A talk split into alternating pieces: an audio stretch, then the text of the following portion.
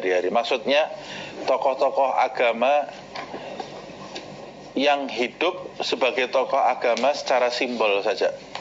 Tapi dia dia tidak pantas dijadikan tokoh agama. Nah, dia hanya sibuk dengan teori saja, tapi tidak mengamalkan di dalam kehidupan sehari-hari. Nah, eh, kita sudah bahas di pertemuan yang lalu. Mengapa kita harus berhati-hati dari orang seperti ini?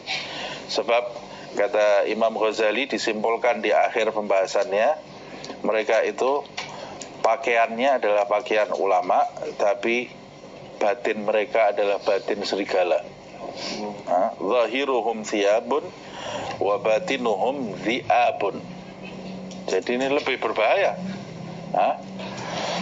Mereka berbicara dengan lisan Nabi, berpakaian pakaiannya Nabi, tapi kalau kita dekat dengan mereka tidak tambah baik, tambah buruk. Gitu.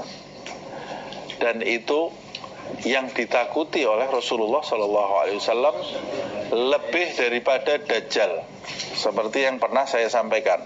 Kata Nabi nanti di akhir zaman ada Dajjal yang menakutkan diceritakan oleh Nabi Muhammad SAW.